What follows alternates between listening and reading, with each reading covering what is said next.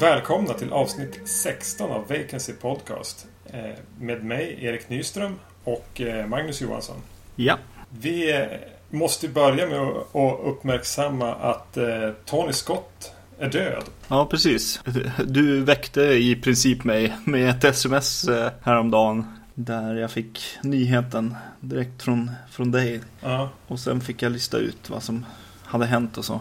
Jag tänker lite Tony Scott. Eh, nu känner jag mig lite, lite dum så här som alltid har sett han som ett skämt. Jag har alltid drivit med han. Jag har alltid tyckt att... Jag har aldrig tagit han på allvar. Och ah, han, särskilt hans filmerna han gjort på den här sidan millennieskiftet har jag ju mer sett som skämt. Jo, du brukar ju driva med mig lite grann också. Att jag är någon slags Scott-fanboy. Nej, men det är sant. Satt inte vi och såg den här eh, Pelham Ja, gjorde vi inte. Pelham 1, 2, 3 kapad. Ja, som den fick heta i Sverige. Ja, precis. Ja, den var ju verkligen ja, rolig på. Alltså den var ju Tom, Tony Scott helt klart. Men han hade ju liksom skruvat det till liksom självparodi på något vis. Det var biljakter när de skulle... När det inte behövde vara biljakter och nej, nej, precis. De jagar ingen i den eh, filmen fast de, fast de ja, kolliderar med trafik och annat ändå. Eh, polisen, ja, och så just det här neongrejset och, och tuffa musiken och allt det där. Och Unstoppable har ju fantastisk eh, trailer. Det är det enda jag har sett av den. Ja, jag håller mig borta från filmen där. Ja, men trailern är ju fantastisk. Med, med någon kvinna som hela tiden kommenterar vad som händer. Och så sen när klipper de till så snabba klipp med, med hårdrock igen. Eh, ja, det är lite kul. Eh, det var väl egentligen, eller på ett sätt Man on Fire där som satte igång den där trenden med Domino och ja, Deja Vu är ju också det. Pelham är jätterolig just för att han är någonting som är liksom mer ett drama fast han har dragit upp liksom till, till actionrullen då. Men vad, vad har han gjort som är bra egentligen? Ja, Top Gun, om den nu är bra så är den i alla fall rolig att titta på. Men mm. vilken är Tony Scotts bästa film? Ja. Jaha, ja, jo men Top Gun. eller, eller? Det kanske är det. Ja. Eh, jag så ögnade igenom nu när man fick veta att han var död vad, vad han hade gjort egentligen. Och han har ju i princip bara gjort kända filmer. Mm. Om jag sätter upp hans resumé bredvid hans bror Ridley Scott så har ju förmodligen Tony Scott gjort betydligt fler filmer som ens den breda massan vet vilka de är. Mm, ja, precis. Jag kommer inte ihåg att han gjorde True Romance till exempel. Och, ja, vad heter den? Beverly Hills Cop 2 eh, där. Men ja, jag vet att jag köpte för något år sedan och, och såg om den här Revenge. För jag hade något minne från barndomen om, så här, om några häftiga scener så här, i den. Ja, just det. Det är hämnd, som titeln kanske slagit. Ja, precis. Kevin Costner. Men eh, då hade Tony Scott gjort, gjort någon eh, Directors Cut och då hade han faktiskt tagit bort de här scenerna som jag tyckte mig minnas. Så jag blev väldigt konfunderad.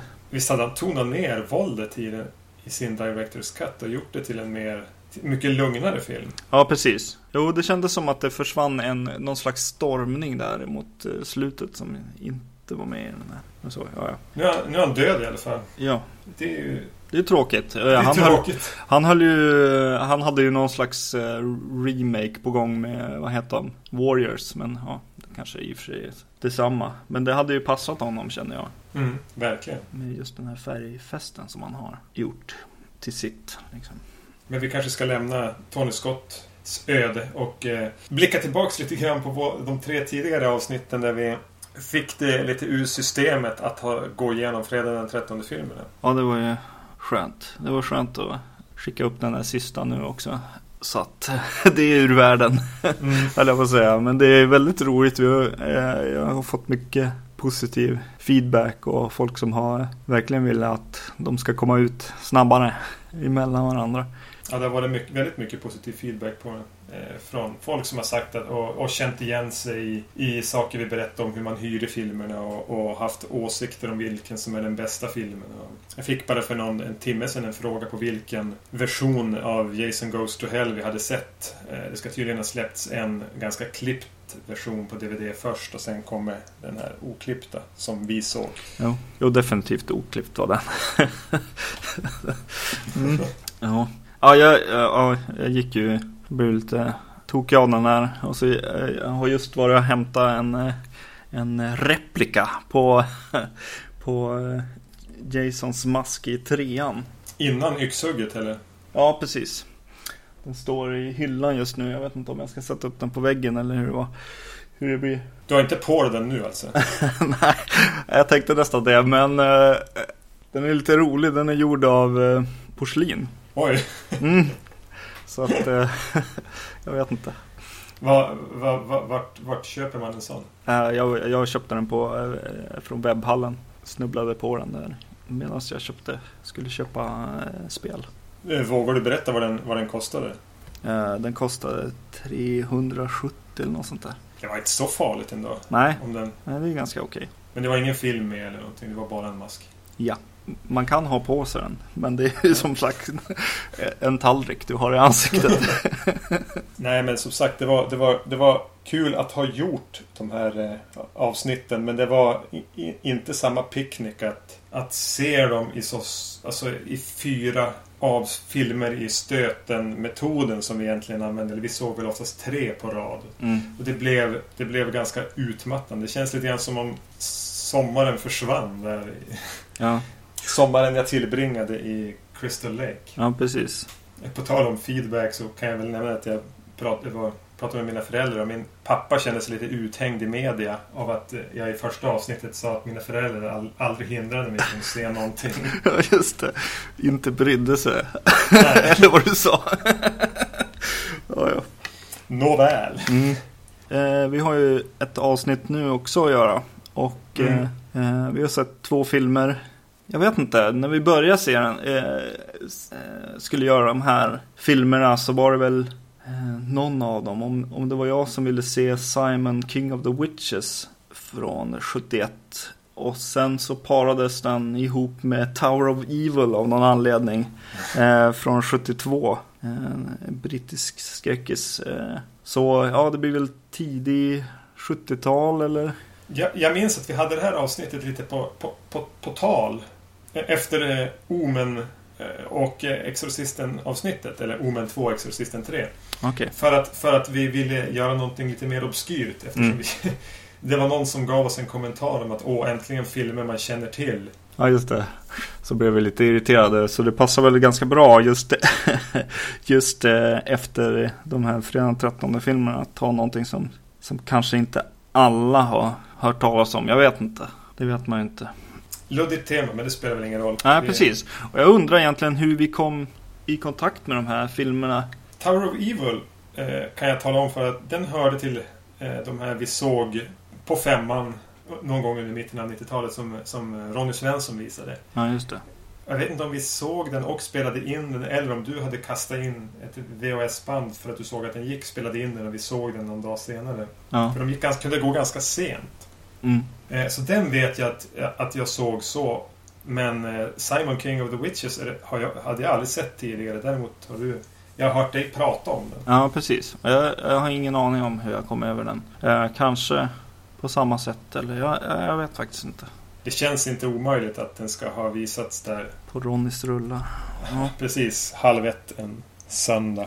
Just det. Men vi kanske ska börja med Tower of Evil.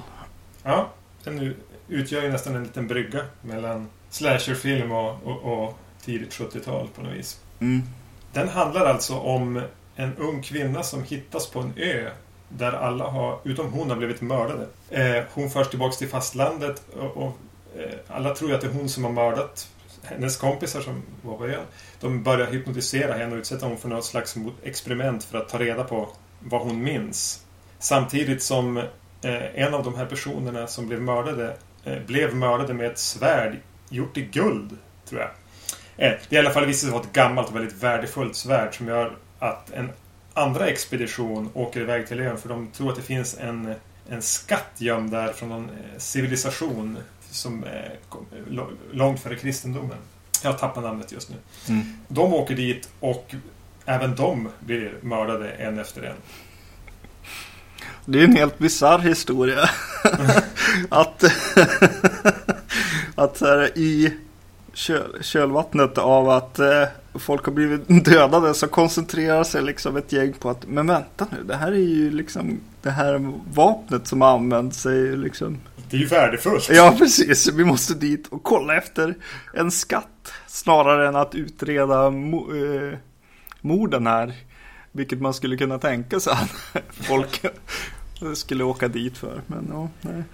En av de som åker med expeditionen är ju en eh, privatdetektiv som är eh, hyrd av den här flickans föräldrar. För de tror ju inte att det är deras dotter som har gjort det utan de vill veta vad som egentligen hände på ön. Mm. När jag såg den här för första gången så kände jag, eh, så kommer jag ihåg att jag tyckte att den var väldigt så här ris risqué. eh, väldigt sensuell och liksom eh, sex... Eh... Den är ganska frispråkig. Ja, precis. Full av sexuell frustration och eh, väldigt sexuellt aktiva människor också. Mm. Tyckte du det nu också? Ja, den var ju lite tamare än vad jag, vad jag minns det som. Så jag började, eh, jag började tänka på det där och, och tänkte att undrar om det är så att jag har sett den här liksom när det på något sätt börjar nalkas sexdebut eller något sånt kanske. eh, och att den, den liksom var lite spännande på ett annat sätt. Jag tänker på, eh, på just fredagen 13 när man såg dem som barn så var det ju liksom inte så spännande. Med sex det, var nästan lite det var nästan bara pinsamt med sexet i fredagen 13 precis. Ja men och lite grabbigt så här i, ibland mm. när vi var ett stort gäng så här. Men eh, ja nej, intressant hur tamt det ändå var i den här ändå tyckte jag. Ja men ändå. Den är ändå en brittisk film från 1972. Den är ganska frispråkig och grafiskt sex och det pratas ganska mycket sex. Det var någon som av, av, av kvinnorna som liksom är masturbation so boring. Så det är därför de tar ihop det med någon. Ja, precis. Eh, vem som helst. Ja, precis. Och någon, någon kvinna som inte vill ha sex. Jag vet inte om hon är ja, avhållsam eller så. Men hon eh, hjälper sin kar ändå. Ja. uh, mm. när, man, när man pratar om, om eh, slasherfilmer och slasherfilmens historia så brukar man prata om, man brukar nämna några Giallos, man brukar prata upp Black Christmas. Men den här brukar ofta bli förbisedd. Men det här är ju en slasherfilm. Ja, det är det ju. En klockren slasherfilm. Alltså den, den följer ju... Okej, den, har, den är inte formstöpt men Nej. det är väldigt mycket slasher-element i den. De isolerar dem på en ö, det har hänt någonting tidigare. Man får inte se vem det är som mördar dem. Eh, de är sexuellt aktiva. Mm. Jo, det är ju en slasher. Och det, det är liksom stickvapen. Mm. Det är frågan. Det är lite grann som om, om Hammer Horror skulle göra en slasherfilm. Ja. ja, jag vet inte. Det är någonting med stilen på den här filmen som jag som är som lite häftig tycker jag. den är ju väldigt så här. Det är ju liksom, vad, vad ska man säga, Star Trek-grottor och sånt där i den här. Eh, det är väldigt mycket byggt. Det finns ju ingen ö överhuvudtaget känner man ju. Nej. När man ser på det här. Allting är ju liksom... I en studio någonstans i, i London. Ja, precis. Och eh, ja, det börjar ju redan från början med någon slags eh, i förtexterna där. När de åker ja. runt, runt fyren där i dimman. Mm. Det är någon modellfyr. Ja, precis. En riktig miniatyr där. Ja, jag vet inte. Jag gillar det redan där på något sätt. Just det här byggda och det känns känns inte som jag blir irriterad på det. Utan jag, nej. Jag, jag, gillar det. Och, och, och, just att när de har kunnat kontrollera färger och sånt så mycket så, så känns den ju i, i stora delar så känns det ju som en gammal svartvit film. Nästan. I början i alla fall så är det ju nästan bara människohud och blod som bär färg ens, ja. ens en gång. Och, ja, det blir ju väldigt effektivt, i, i, särskilt i början i de, de tappar lite stil eh, när det börjar pratas en massa och sådär. Men eh, just den här när de går runt och försöker hitta vad som har hänt och sådär. Och de ska hitta den här eh, kvinnan på ön. Mm. Och de hittar massa lik och... Ja, nej det är väldigt snyggt tycker jag faktiskt. Mm. Nästan lite Mario Bava över fotot. Och det är ju alltid ett plus. Ja, precis. Ja, och sen fanns det, ja precis. Och sen är den så här lite gruesome också liksom med det här. Ja, jag gillar det här huvudet till exempel som, som tappas ner för en trapp liksom. Och Mm. det är som coolt hur den faller liksom in i kameran. Ja, jag gillar, jag gillar väldigt mycket början och setupen på något sätt. Jag skrev också en notering just hur den börjar med. Och så är det väldigt, väldigt, väldigt dimmigt och så hör man den här båtmotorn. Bara så kommer det två fisk, det så gamla fiskargubbar på en gammal eka ut ur dimman. Och kliver i land och börjar leta där och hit, hittar de här grejerna som du säger. Och det är ganska, inte jättevåldsamt det som har hänt. Men ändå, de lyckas pricka in det på någon slags ton där det känns lite, det känns nog mer råare än vad det, vad det kanske är. Jo men det är väl det att de är nakna kroppar ibland och, eller en del av dem och sådär. Det känns som att det har hänt mer än vad man ser. Och sen blir det ju intressant och sen för då eh, får vi som... Den börjar ju till exempel med en likhittarscen. Det är som eh, kommer lite, brukar komma mot slutet i en slasherfilm så får vi en i början. Men sen kommer då den här andra gruppen människor till ön och börjar utforska. Och, och, men då väljer de även att hoppa mellan eh, det när de är där och vad som hände med, med den tidigare gruppen. Vi går tillbaks till den här kvinnan som då blir hypnotiserad. Mm. Så hon minns vissa saker. Så då får vi lite parallellklippning mellan. Ja precis, de har någon slags diskoterapi där på, Ja. på henne. Med discolampor. Det är lite Dario Argento-vetenskap där. Med, Om Mm. vi blinkar lampor i så, så kanske hon minns. Ja precis, och det, eh, det, det dyker upp några häftiga collage där också. eh, När hon får lite flashes och sånt där. Mm. Eh, Det är någon som blir av med en hand där bland annat. Och det är jäkligt coolt hur, hur, hur snabba klipp och sånt där kan förstärka. Och scenen när de hittar den handen sen. Det blir det första de ser när de går i land på den. Den avhuggna handen som ligger i förgrunden. Och så gör de en fokusförflyttning. Och man ser att det är en avhuggen hand. Och så ser man dem den. Ja, det är genomtänkt eh, foto på det, på det sättet. Mm. ja, nej men eh, just de här scenografierna och hur folk är placerade i scener och vad de gör, de som inte pratar och så, gör att jag får en väldigt stark så här, teaterkänsla. Särskilt bland det här eh, andra gänget som, som kommer dit. Eh, jag känner att man skulle kunna göra den här filmen som pjäs lite grann. Ja, det är liksom, ja men någon sitter i bakgrunden på en eh, trapp upp och lite sådana grejer. Det känns väldigt... Håller alltid alla skådespelarna aktiva. Ja, precis. Och i bild på något vis också. Så att det är som tydligt att den här fjärde väggen, den vi inte ser, inte finns. på något vis. Utan där, där, där ska kameran vara, eller publiken på något vis.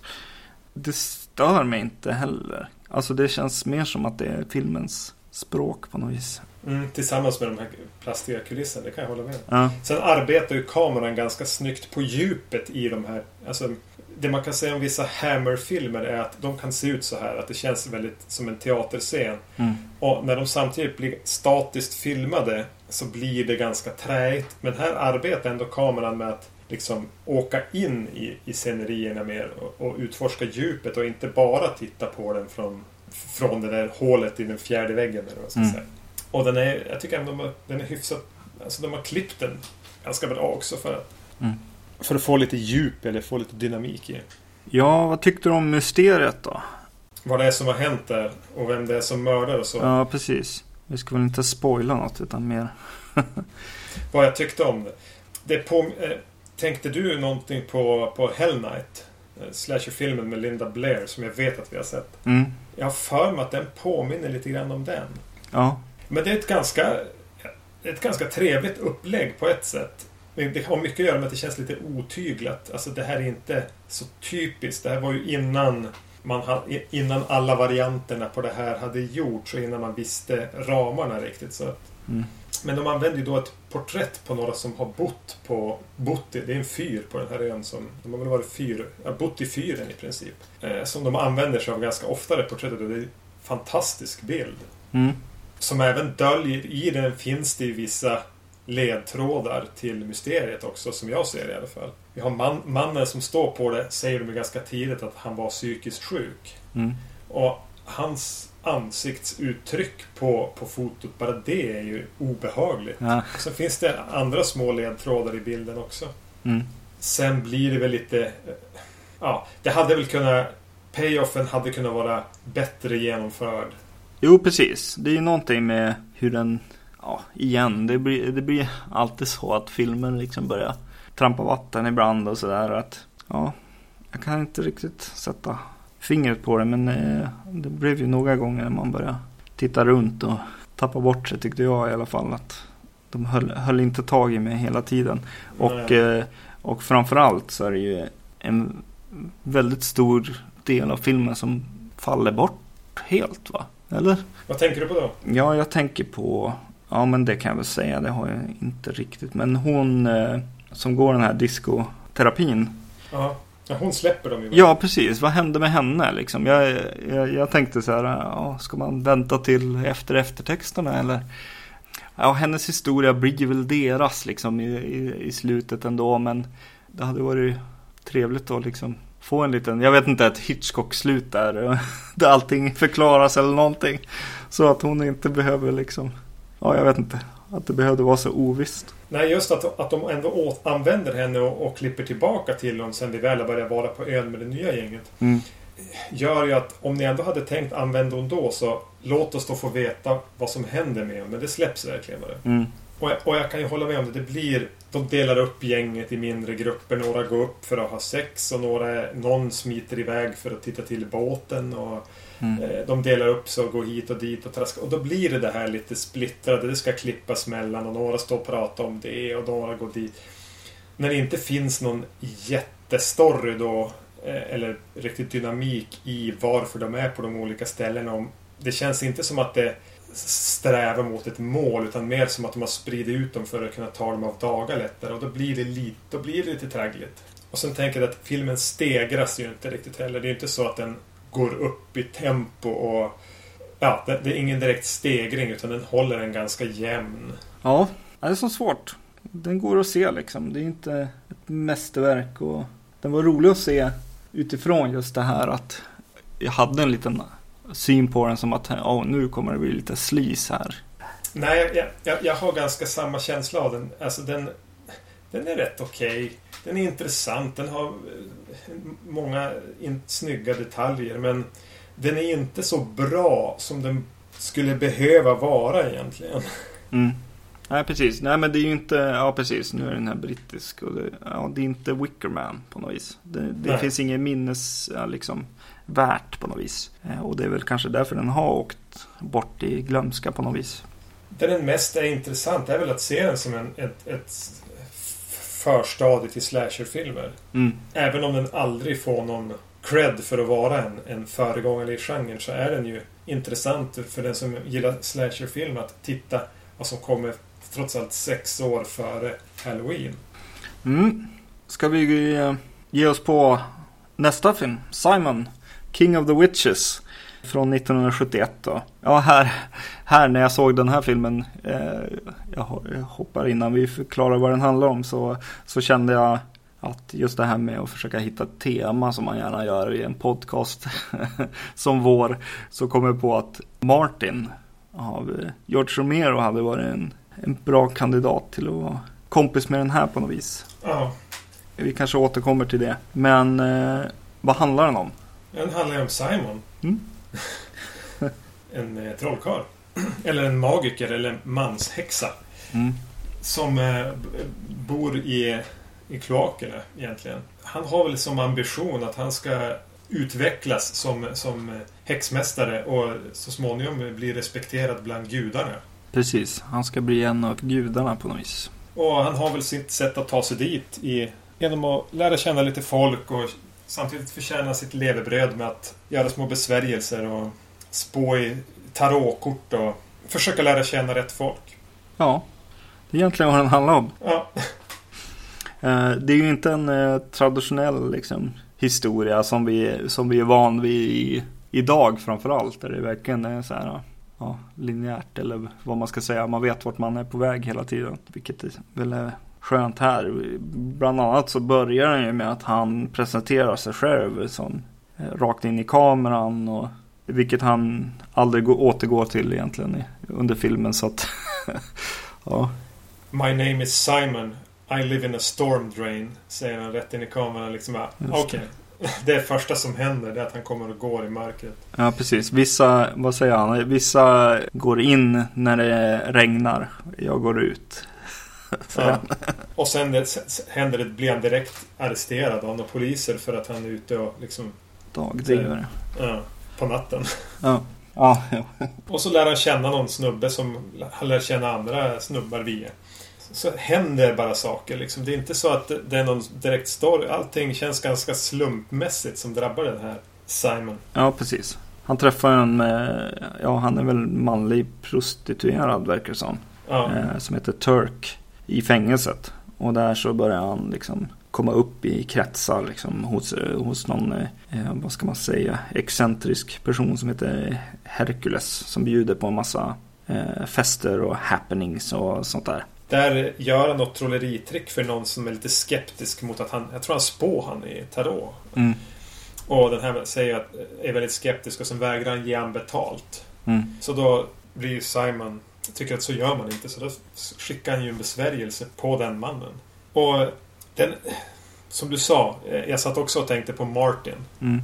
George Romeros Martin som ju handlar om en, en ung man som är vampyr. Och i den filmen hålls det ju hela tiden ambivalent om han är vampyr eller om man tror att han är vampyr. Precis. Och den här har ju till viss del samma anslag. Ja.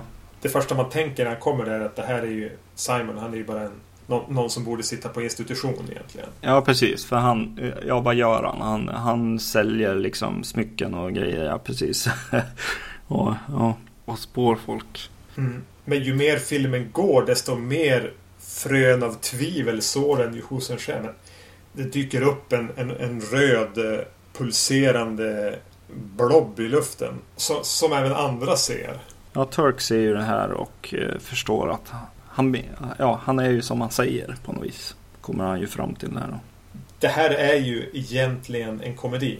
Ja, det är väldigt eh, roligt och jag måste säga att jag skrattar väldigt, väldigt mycket åt den här, eller med den här filmen. Ja, man skrattar faktiskt med den också. Ja. Den, den, den, spelas ju väldigt allvarligt och fotas allvarligt. Och den, men den har väldigt mycket svart humor. Ja. Torr svart humor och lite dra åt det flummiga hållet. Ja, precis. Men nej, alltså, den var ju jätterolig. Ja, jag skrattade jättemycket. Jag tänkte ett tag till och med på en av mina favoritkomedier, vad heter den? Eh, Fear and Loading i Las Vegas. Ibland till och med. När den blir som flummigast på något vis. Ja, och jag tycker också att det är en sån härlig värld på något sätt vi får ta del av. Jag vet inte, jag, jag, jag kan inte ha sett så mycket sån, sån här film. Alltså, det är jättekul när de minglar runt och, och alla får vara med på något vis. Både så här drogfolk och, och rika verkar de vara och ja, kreativa människor mm. liksom. Uh, jag tänker att det är att det var så här att uh, hänga med Francis Ford Coppola eller Dennis Hopper när det begav sig på något vis. Att, ja men vi har en magiker här ikväll också. Och... Eh, han säljer dolkar som är magiska. Eller äh, nu säljer han kanske inte dolkar men precis. Och han kan spå er. Vi har hittat det. Så. ja, Rika halv liberala konstnärsmänniskor som gillar folk. Mm, ja, precis. Han var lite avundsjuk. Man skulle gärna vilja gå på de där festerna. Ja, precis. Jo, det finns inga fördomar och sådär heller riktigt där. Eller ja, precis. Och en nyfikenhet på något vis. För människor liksom. Ja, mm. nej, det verkar härligt. på något konstigt sätt.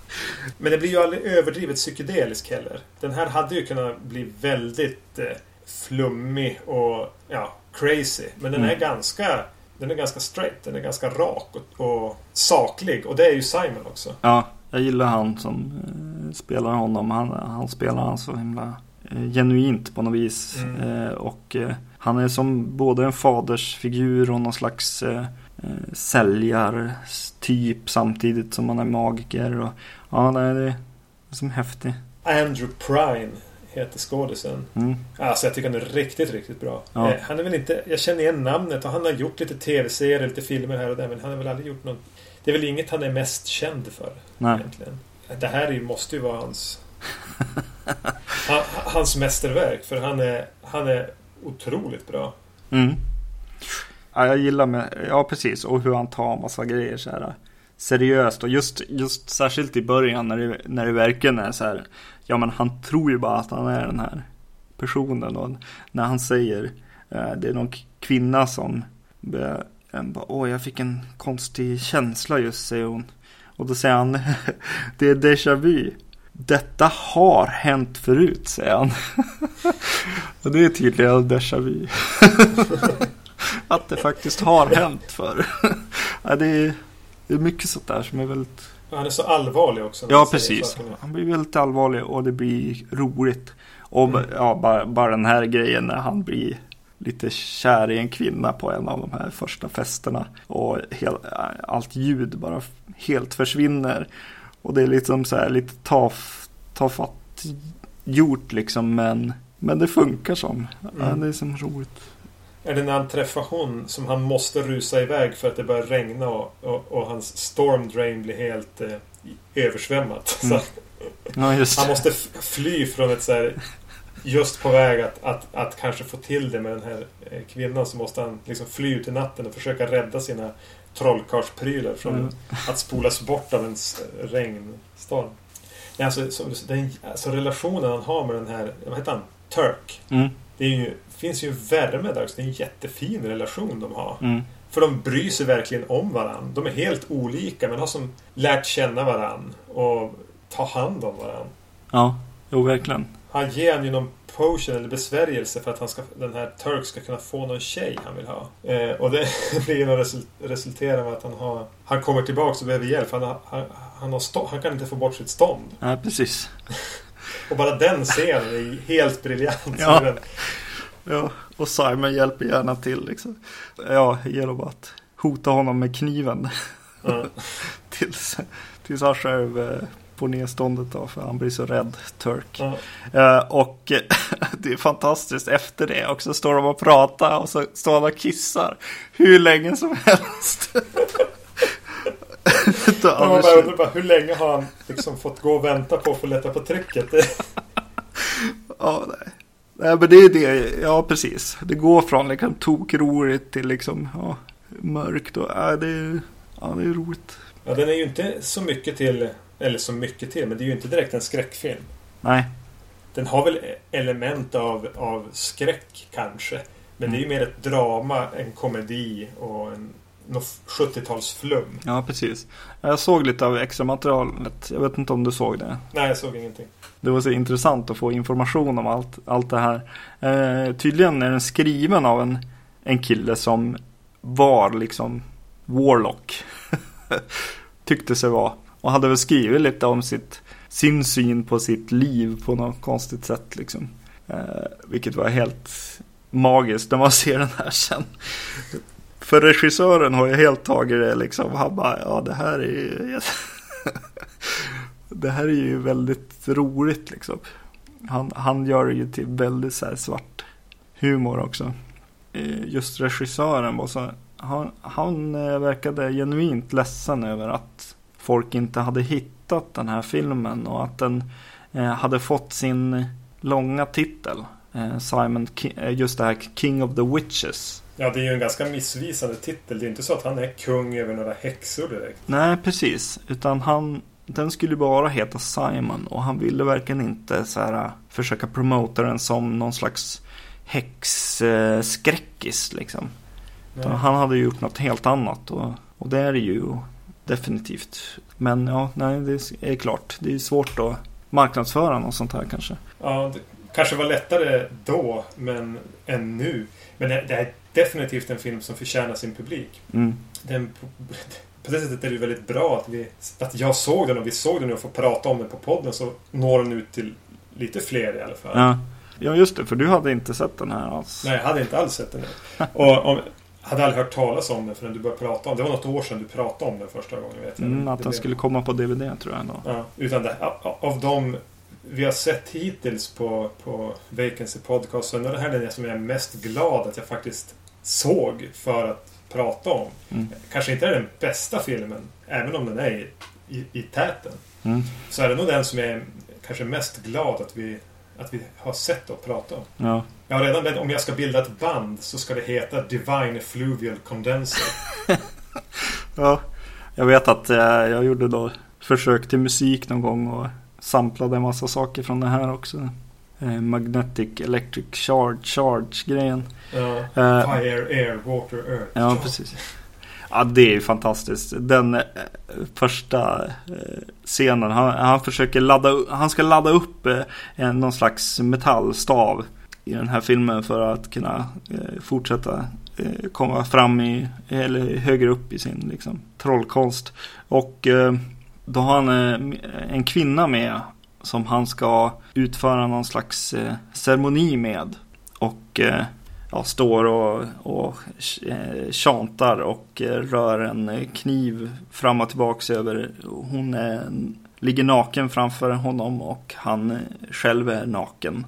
Och eh, till slut så, så misslyckas han och, och kastar bort kniven och, och eh, lyckas inte chargea upp den här staven. Eh, men, ja precis. Men, eh, och så, står han och vet du, har ett riktigt så här högtravande snack om, eh, om hur han har misslyckat och, eh, misslyckats och, och vad som gick fel och så här. Och, och till slut så inser man ju att jo men han har ju som fått en erektion där. Och eh, han blev alldeles för upphetsad. Vilket är lite kul hur den är klippt också, hur den är filmad. Han står där och har någon slags eh, mer så här kosmiskt tal om liksom hur jobbigt det var att misslyckas liksom. Medan hon sitter och så här ler lite grann åt han. För jag tänker att han hela tiden går omkring där och, och har sitt tal där med, en, ja, med ett stånd. som man inte ser men ja, det, Nej. ja, det gillar jag. Och hur de löser det sen också är roligt. Mm. Jag löser det lilla problemet. Precis. ja. Nej, jag tror det här är en film som man kan få ut ganska mycket av att se flera gånger. Ja. Upptäcka små de detaljer eller upptäcka just grejer i, i dialogen som nog är jätteroligt när man inte behöver koncentrera sig lika mycket på handlingen. Ja. Den här, när den här Turk, de, de är på någon sån här häxceremoni som för övrigt Simon tycker är helt så här töntiga. Ja, han blir jättearg. Han ser så jäkla less ut också medan det pågår. Han bara, åh, det, det här är bara fjanterier på något vis. det, han, han gör ro, ja, nej, det är roligt där. Eh, hur de har klippt och hur han agerar.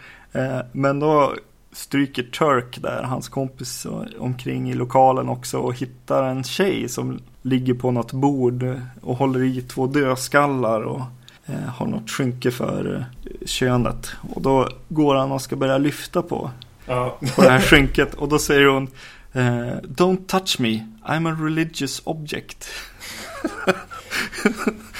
hon säger det väldigt vänligt. Ja, ja, ja. det är fantastiskt. Och så fortsätter ceremonin och Ja, jag vet inte, mot slutet också när de ska sticka därifrån så är Turk helt plötsligt Ja, ja jag vet inte om han är naken men han är väldigt lättklädd så att han verkar ha fått till det där ändå med henne. Eller? Ja. Ja. Fick du, fick du din, den dos av sex du ville ha i den här? Om du blev snuvad på det i Tower of Evil? Ja, just det. Ja, nej, men den här är ju så... Det, det visas ju inget sex i den här alls egentligen. Nej, precis. Nej, det är det ju Det är inte. lite naket. Ja, precis. Men det är väldigt glatt allting. Nej, jag kan, nog inte, kan inte rekommendera den nog. Nej. Om man eh, gillar 70-talsfilm. Det enda jag kände var kanske att den är kanske 10 minuter för lång. Alltså att de, att de håller den eh, vid liv lite, lite länge där ett tag.